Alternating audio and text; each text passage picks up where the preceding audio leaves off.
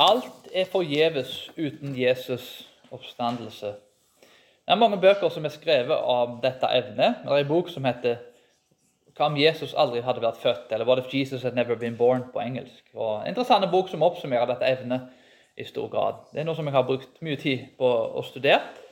Og det er et viktig spørsmål. Hva om Jesus aldri hadde vært født? Hadde verden vært den samme? Hadde vi hatt de samme tingene som vi har i dag? Altså, Hvordan er det sånn at én person kan påvirke verden i så stor grad? Og Min konklusjon etter mye studier er at uh, personlig Jeg kan aldri vite selvsagt, hva som hadde skjedd hvis Jesus ikke var født. Men jeg tror personlig i hvert fall at vi uh, hadde ikke hatt menneskeverd, menneskerettigheter, den samme forståelsen av omsorg, hjelp av fattige, kristen utdannelse, sivile rettigheter, vitenskap, økonomi, forståelsen av familie, seksualitet, helse, sykehus, medisin, kunst, musikk, moral den moderne verden er umulig å forestille seg uten at Jesus hadde vært født. Det er som sagt, en ganske store bok av Tom Holland, artisten, 'Dominion', der han tar kristen etikk anvendt gjennom hele historien. Og ja, Som en artist er han veldig overbevist og skrevet ganske overbevisende at uh, kristendommen er det er ingenting som har revolusjonert og forandra verden så mye. da. Han kaller seg sjøl i praksis som en artist en kristen. da. Eh, altså De romerske og de greske verdiene er ikke mine verdier, til tross for det romerriket som er spesialiteten hans. Men han er altså i praksis en kristen, da. altså Måten han tenker på, måten han er på. Altså, han er direkte resultat av kristendommen uten da egentlig å tro engang på Jesus. Det er mange bøker som dokumenterer dette grundig. Men det er et eksempel eksempel, med eh, Erna Solberg nevnte dette med at tilgivelse var liksom den viktigste verdien i kristendommen. Og tilgivelse er ikke selvlysende det, det, det, er egentlig en veldig unaturlig ting for mennesker. Hvis dere har reist i forskjellige land som ikke er så sterkt påvirka av kristendommen, så vet dere det at eh, folk tilgir ikke. Eh, jeg har truffet til og med, ja, til og med pastorer som har nekta å, å tilgitt urett som har blitt gjort mot landet deres eller mot dem som folk. Så dette med tilgivelse er, er en kristen ting. Og det er det som gjør at det er svært få norske i dag som er bitre fordi at tyskerne koloniserte oss under andre verdenskrig. Har du en tysk nabo, så, så, er du ikke sint på han, går jeg ut ifra iallfall. Men, men i andre land så, så, så er denne typen eh, bitterhet eh, Han blir huska for kanskje hundrevis av i år. Og De glemmer det aldri ut da, 100 år, 100 år i etterkant hva som har skjedd en gang langt tilbake i historien, for de tilgir ikke.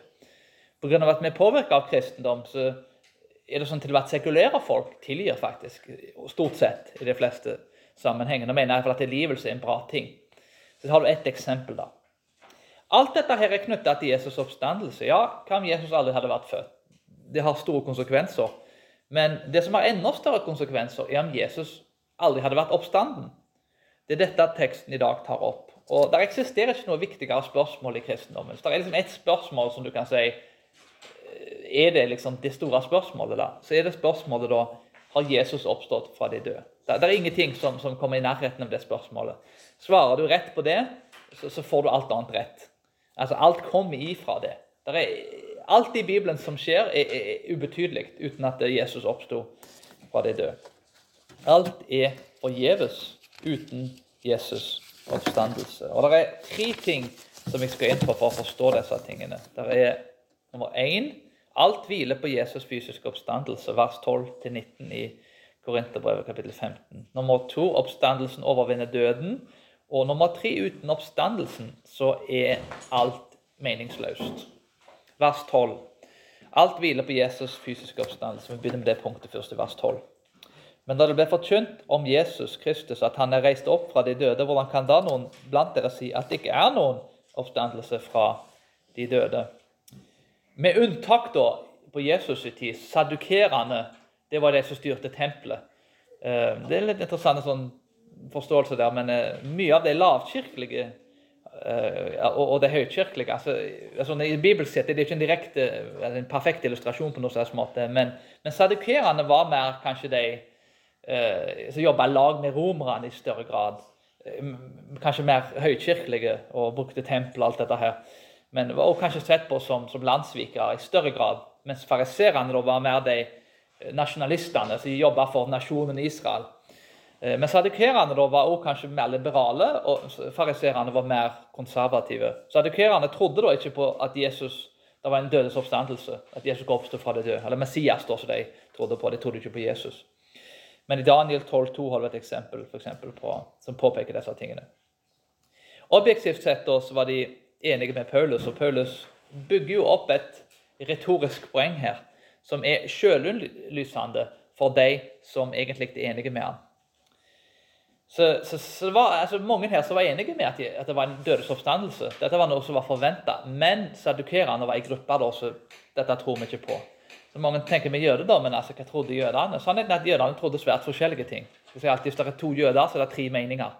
Og Jeg tror ikke det var svært annerledes på den tida. Det er mange meninger blant oss protestanter òg. og uh, det, det, er ikke ulikt da i jødedommen. Så Det var veldig mange ulike jødiske greiner som folk trodde ulike ting.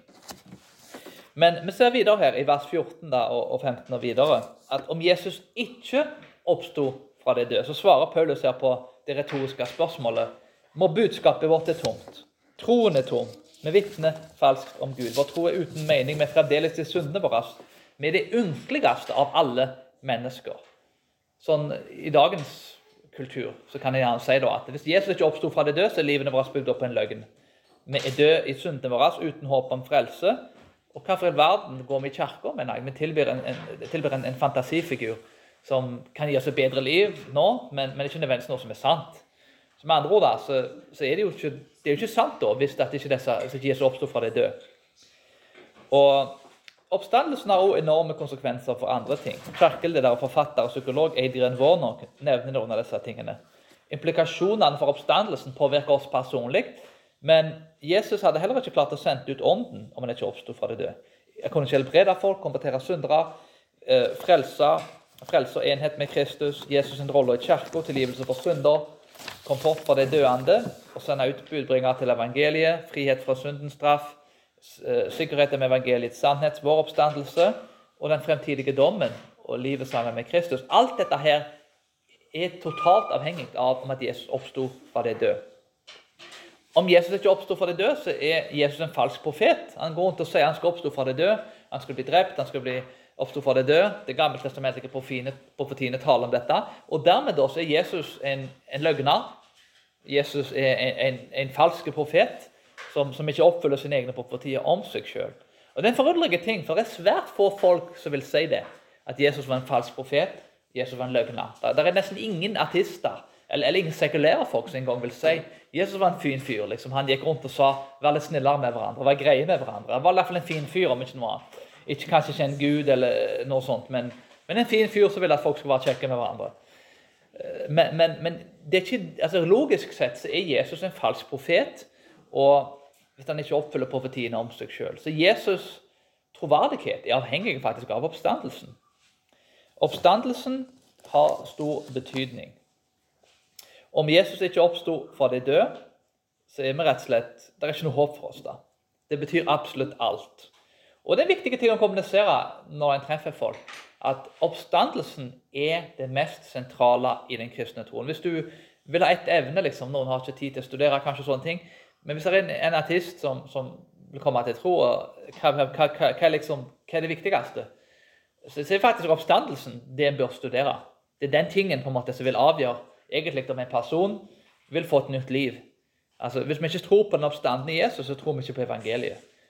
Historisk, filosofisk, psykologisk Du kan gå inn på alle de forskjellige tingene bibelsk. Hva sier alle disse kildene om oppstandelsen? En veldig god bok der, Geri Habermas. Han har gjort et fantastisk arbeid med dette her. Så det, uh, the, Resurrection, uh, the Resurrection of, of, Jesus Christ, tror jeg den boka heter i farten. Jeg tror den er oversatt til norsk. Men den er veldig veldig, går grundig gjennom, og, og, han er veldig god formidler i tillegg. Skriver veldig godt. så han, Det er liksom ei bok som en, en, kan gå inn der, få de argumentene da, og de historiske bevisene for oppstandelsen. Men samtidig da, så må man jo legge fram det personlige. Altså, det nytter jo ikke bare å tro på dette intellektuelt og objektivt. Det er noe som må flytte seg fra bevisene og inn i våre hjerter og være med forvandle oss innvendig. Og det er ikke noe vi kan gjøre. Men vi kan være med og peke på sannheten, og så vil Gud gjøre resten. Men det er altså utrolig sentralt med oppstandelsen. Det er det på en måte som eh, Alt hviler på det. Alle religioner har som regel én ting som, måte, som, er, som, er, det mest sentrale. Men for kristendommen er det altså oppstandelsen. Nummer to oppstandelsen overvinner døden. Oppstandelsen er altså meget viktig. Han er så viktig at han overvinner døden. Vers 21-22. Men nå er Kristus reist opp fra de døde og er blitt førstegrøden av den som er sovnet inn. For ettersom døden kom ved ett menneske, så er også de dødes oppstandelse kommet ved ett menneske. Det var innhøstning i Det gamle testamentet. Vi leste jo fra 3. Mosebok 23.10.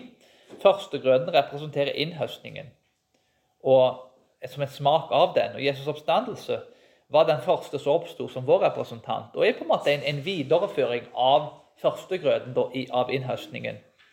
Vi ble oppreist med Han i ånden i Romerbrevet 6,4, Feserbrevet 2,6. Med et løfte her om en fremtidig oppstandelse. Det er en svært viktig ting at Jesus fullfører her det gammeltestamentlige eh, eh hva skal jeg kalle profeti, men, men, men altså den ideen om førstegrøden. Et frø som går ned i jorda og dør, og, og, så vokser det opp andre ting. Så Jesus måtte, måtte, altså dø for at liv kunne bli skapt. Og Det er den samme ideen i tredje Mosebok, som er kanskje ikke den boken som folk leser mest. Eh, faktisk en av mine favorittbøker, men, uh, men, men den er, den er, det er utrolig mye der som er med og peker på Jesus, i likhet med resten av Det gamle testamentet. Veldig mye ting som er med og peker på Jesus, som en, som en Jesus er åpenbart tydelig i førstegrøten, altså i jordbruken og i analogiene og illustrasjonene der. Vers 22. Døden kom ved Adam, sier Paulus, og oppstandelsen og frelsen kom ved Kristus. Alle dør i Adam, og alle blir levende i Kristus. En mann brakte verden i synd, og en mann frelser verden fra synd. Du har den første Adam og den siste Adam. Den første Adam leder verden i synd og død. Andre Adam leder oss til frelse og liv. Mange tenker kanskje det at det er urettferdig at altså Jeg var ikke i hagen. Jeg var ikke skapt i Edens hage. Og dermed også, er det helt feil at jeg skal arve Adams synd. Arvesynden er feil. Det er ting som jeg ofte har hørt. Liksom. Dette er ikke rett. Liksom. Jeg blir født inn i synd. Liksom. Jeg kan ikke få det at jeg blir født. Det er ikke min feil at jeg blir født. Det skal jeg alltid sa en gang. Men uh, det er ikke min feil at jeg, at jeg er født med synd. Altså, jeg, jeg, er født i noe som jeg, jeg, jeg kan ikke unngå å synde. Jeg ble født inn i den situasjonen. Det er ikke min feil. Jeg har derimot aldri hørt noen klagt over at, at den første Adam gjorde at alle arva synden hans. Det første mennesket. Men det er også sånn at den siste Adam, Jesus Kristus, vi arver rettferdigheten til Jesus. Og Det har jeg aldri hørt noen klagt over. Skikkelig urettferdig at, Jesus, at vi arver Jesus' en rettferdighet. Så med andre ord, ja, vi arver synden til Adam, men vi arver altså også Jesus sin rettferdighet. Hvis av, av nåde gjennom tro har tillit til det verket som han har gjort i oppstandelsen. En kan gjerne si da, at det er urett, begge deler urettferdig at jeg arver synden til Adam, er urettferdig. Men det er urettferdig at jeg blir frelst. Det er like urettferdig som at jeg arver synden. Så, så det, En kan ikke si at én av dem er urettferdige, mens den andre er, er rettferdige. Vi har en tendens i dag til å tenke at uh, hvis jeg får masse gode ting, det er rett. Dette fortjener jeg. Men hvis, hvis det skjer dårlige ting med meg, så er liksom det alltid ufortjent. Og Noen ganger så er det jo det, da, men, men ikke alltid. Så En kan på en måte ikke velge der. da. Vi fortjener døden Syndens lønn er døden. Det er det vi fortjener. Så Vi fortjener på ingen som helst måte rettferdigheten til Jesus Kristus som han har gitt oss. Men han har gitt oss det som en gave. Og dermed så, så blir vi frelst. Så igjen Ja, det er kjipt at vi blir hørt inn i synd, men, men heldigvis så, så, så, er vi altså vi er blitt gitt Jesus rettferdighet, den andre Adam. Så, det, altså Gud har en måte til å gjenopprette det på. det, gjør det en eh, kan si ikke rettferdig, det er egentlig urettferdig. Men, men altså, en, en, får det verste, men en får òg det beste, kan jeg gjerne si. Vers 24. Kristus er først, og deretter de som hører Kristus til, ble gjort levende ved hans komme. Oppstandelsen er ikke en isolerte hendelse, men starter noe helt nytt. Det er starten og fortsettelsen på Jesus' suverene styre gjennom verdenshistorien. Vers 25-26. Alle fiender vil til slutt bli beseira av han. Altså døden faktisk vil til og med bli beseira av han. Og I vers 27 han legger alt under sine føtter. Sitat fra Salme 8,6, som taler om endetids-Adam som blir realisert i Jesus Kristus. Frelsen er ikke ferdig, for han har underlagt alle fiender under sine føtter. Og til slutt så vil døden bli ødelagt. Åpenbaringen 2014 ser vi bl.a. det. Vers 28 at sønnen skal underordne seg faren en annen ting som vi ser her i teksten. Dette betyr ikke at sønnen er mindreverdig.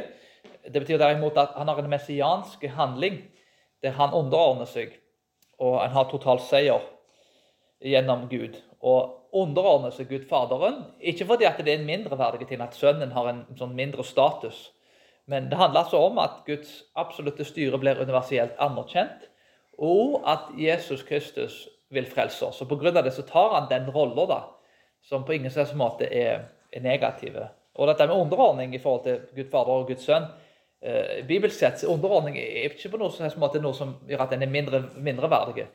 Eh, Jesus velger å underordne seg sjøl. Ikke, ikke, ikke, av tvang, men pga. at han, han, var så glad i oss og hadde den kjærligheten til oss og valgte å gjøre det. Så derimot så, Jesus han går aller lavest ned. Altså Han går ifra den perfekte himmelen til den syndige jorden og underordner seg sjøl, Gud Faderen. Jeg var i en begravelse nylig og en person som døde kanskje 15-20 år før tida, altså i snittalderen.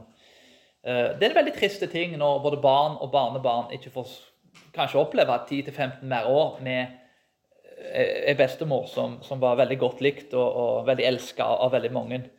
Eh, det er en veldig triste ting at bl.a. kreft så vel som andre ting er med å ødelegge utrolig gode ting som kunne ha skjedd hvis du hadde fått levd. Veldig trist og tragisk, men likevel en del av menneskets historie. Eh, I dag, faktisk så, altså Vi lever i en tid der snittalderen har vel aldri vært så høy i menneskets historie. Den kommer sannsynligvis til å øke. Eh, så på mange måter I dag da, så er, lever vi faktisk i en tid der, der, folk lever i, sånn, i snitt til de 79-80 år. Så det er en tid der, altså Før dør folk hele tida, men, men, i dag så får vi faktisk leve lenger og, og, og leve mye bedre. Vi lever bedre i dag enn de fleste keisere og konger har levd for 1000 år siden. Og, men til tross for det så, så, kommer døden til oss. Og i dette tilfellet så kom døden til henne. Og det, det er en tragiske ting. Det er en tragiske ting, for til tross for at hun hadde et veldig rikt og godt liv. Men, men døden er noe som kommer, noe vi ikke kan på en måte helst unnslippe. Og til og med Jesus Kristus unnslapp ikke døden da, for våre synder. Men det er god nyhet midt oppi dette her. Døden kommer til oss alle. Vi vet ikke når, det kan skje før, det kan skje senere.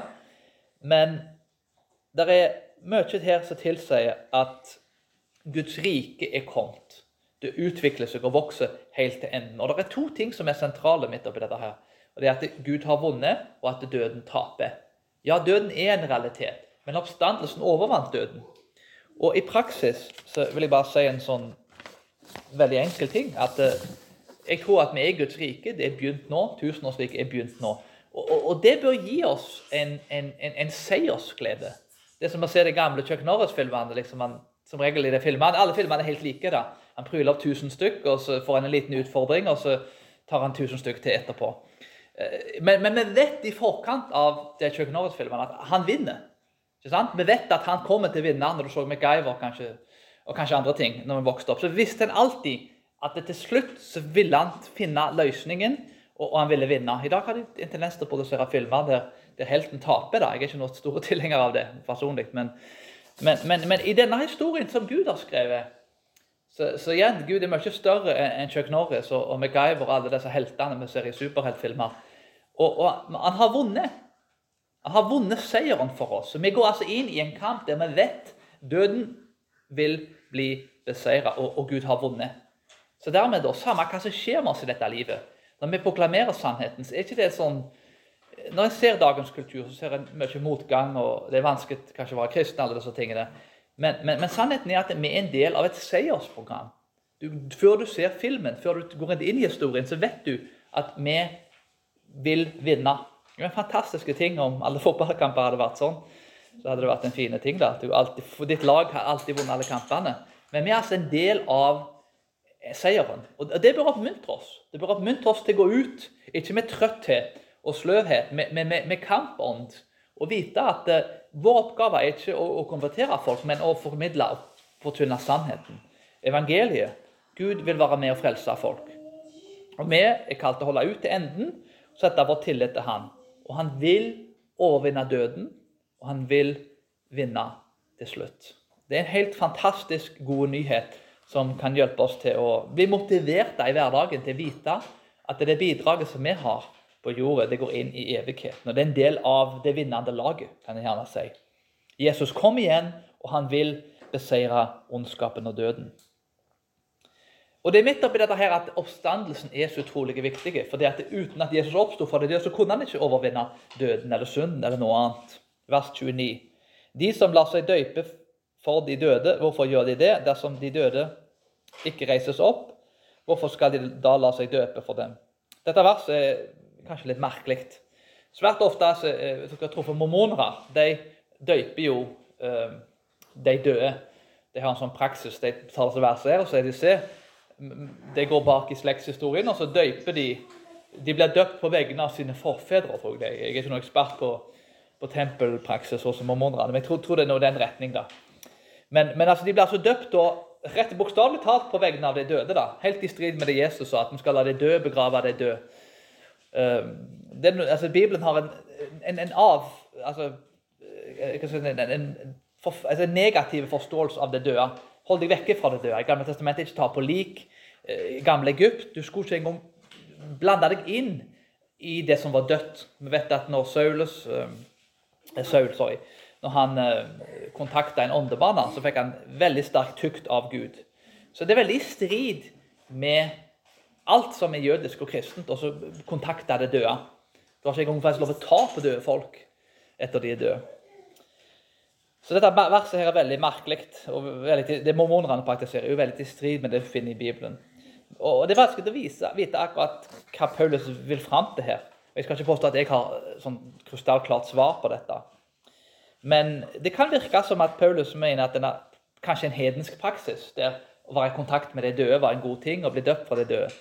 Eh, muligens at det var noe i denne kulturen som, som folk, som i Korint som vi ikke vet om, som Paulus var med og avviste. Men det er iallfall veldig i strid med både jødedom og kristendom og, og har noe som helst med det døde å gjøre. Det er en hedensk praksis. Det står i Toran, altså i femte Mosebøkene, flere plasser. Jeg satt foran deg døden og livet. Velg livet. Altså, Vi skal ikke velge døden. Her velger vi døden hvis vi blir døpt for de døde. Paulus, som var en jøde som tenkte på denne måten, prøver altså å vise oss at oppstandelsen er en realitet. Det er ikke døden som er positiv, det er livet, oppstandelsen.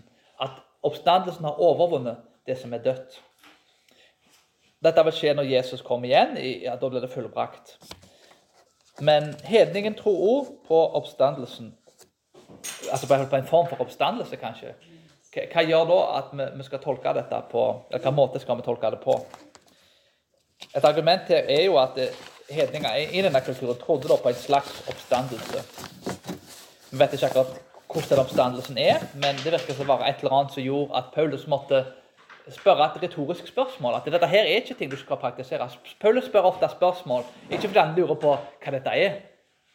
Uh, akkurat som med Gud med jobb. altså Er det ikke jeg som skapte verden fra verdens grunnvoll? Det var ikke det at Gud ikke visste det, at han ikke skapte verdens grunnvoll. Det er et retorisk spørsmål som er sjølelysende for de som leser det. Kanskje ikke sjølelysende for oss, for vi har ikke den samme kulturen. Men, men, for de så var det klart hva han mente med dette. Paulus sier da i, i, fra vers 30 til 33 og utover at vi utsetter oss sjøl for fare. Han dør hver dag, sier han. Så spør han i vers 32 var det på menneskelig vis jeg kjempet mot villdyr i Efesus. Hva gagn hadde jeg så av det? Dersom de døde ikke reises opp, så la oss ete og drikke, for i morgen dør vi. 33-34. Far ikke vil. Slett selskap forderver gode seder. Våkne opp, for alvor, synd ikke. For noen har ikke kjennskap til Gud, til skam, sier jeg dere det. Kristne i Korint med defekt syn på oppstandelsen hadde ikke bare vært påvirket av dårlig selskap, men påvirket av andre forsamlinger, andre religioner og hedenskap. Tenk selv at du har vært romer, du har blitt oppdratt hedensk, og plutselig så kommer denne Korintkirken i en svært syndig by. Det er ikke sånn at det plutselig så blir du verst helt rene, og det gamle er lagt vekk. Altså Forhåpentligvis kan det skje. Men jeg tror vi alle tar med oss mange ting fra det gamle livet som har levd. Uh, og det er alltid ting i kulturen, ting som, som ikke er bibelske, som, som blander seg ofte inn med, med et bibelsk og hellig tankesett. Og Dermed da så var det nok mye synkretisme. da, Blanding av hedenskap og kristendom. Det er mulig å unngå det, spesielt når en person blir omvendt og i en voksen alder. kanskje. Eh, spesielt når en er oppvekst i en, en hedensk kultur. Det er et defekt syn på oppstandelsen, og det ødela tydeligvis for korinterne. Og, Paulus må gjenopprette dette, her, for det er så viktig med oppstandelsen. Han refererer til Efesus, der fienden hans ville ta han. Det var smeder som lagde avguder, som var sinte på Paulus. Og Paulus refererte til dette med lidelse og forfølgelse og ja, ble fysisk drept av dyr i Colosseum og, og lignende arenaer. Altså Kristne ble drept for troen sin i denne sammenhengen. Vi vet Perpetua, f.eks., en av de tidligere trosheltene i kirkehistorien, som var rik, ganske rike damer, høyt utdanna, og død. altså Ble spist av dyr i, i Colosseum. For hun nekta å, å, å, fornekte Jesus. At hun sto, Til og med foreldrene og familien hennes sto mot henne, men, men hun, hun sto støtt på den sannheten uansett. Så Dette er en realitet som Paulus snakker om. Det er vanskelig for oss å forstå hva det betyr. men uh, Dette var folk som altså betalte livet sitt for å følge Kristus i noen sammenhenger. Poenget til Paulus er uansett at lidelsen og forfølgelsen er knytta til oppstandelsen. Hvorfor i all verden skulle noen Det liksom er Paulus. Paulus Hvorfor i verden skulle noen som Paulus, høyt utdanna, sosial, høy sosial status, eh, kunne nådd til toppen av Romerriket med den hjernen han hadde? Det er liksom, Vil du bli kristen, vil du ha det beste liv nå? Bli forfulgt, torturert, fengsla, skipsforlit, og til slutt skal du få lov til å dø i Roma bli halshogd. Familien avviste han kanskje. Dette gir ingen som helst mening hvis oppstandelsen ikke er ekte objektiv, og at Jesus ikke oppsto fysisk fra de døde. Paulus levde ikke sitt beste liv nå. Han levde et liv med mye lidelse. Hvorfor i all verden skulle en sånn lærde mann sette liten til noe som ikke var ekte? Det, det, er ikke noe svar på det uten at oppstandelsen er ekte. Det er svært viktig å huske på her at det, det er en del folk som sier ja, men Jesus var en fin fyr. Oppstandelsen er, er sånn subjektivt sann, men ikke objektivt sann. Altså, Jesus var en sånn metaforisk lykkefigur som oppstod, som, som, en metafor oppsto fra det døde. Og da er spørsmålet er det noen som er villige til å dø for en metafor. En, en, en usann historie så, så, som kan gi oss glede i livet. Ja, det er fint. Det kan få et bedre liv. alt dette her. Men det er jo ingen som er villige til å dø for det. Og spørsmålet er, er folk villige til å leve for det. Når presset blir stort, er det noen som er villige til å dø for en Jesus som vi ikke engang vet om oppsto fra det døde? Og jeg tror for svært mange så, så, så svarer nei på det. Tenk om romerne f.eks. fant kroppen til Jesus liggende i graven. Tenk om vi ikke kunne synge sangen at korset er tomt, graven er tomt, og Jesus står opp og han lever. Altså Alt som skulle til, var at noen fant kroppen til Jesus. Og vi hadde gått fortapt. Livet hadde vært uten mening og håp. For det er sånn at når det kommer til oppstandelsen, så er det ikke sånn at Jesus' oppstandelse er ikke alt vi trenger. Det er alt vi har. Vi har ingenting annet enn det håpet. Uten det håpet så er det ingenting i andre systemer, i andre religioner. Det er ikke noe som helst håp for menneskeheten. Så igjen, det, det, det er ikke det eneste håpet vi trenger, det er det eneste håpet vi har. Så eh, sorry, oppstandelsen er ekstremt viktig.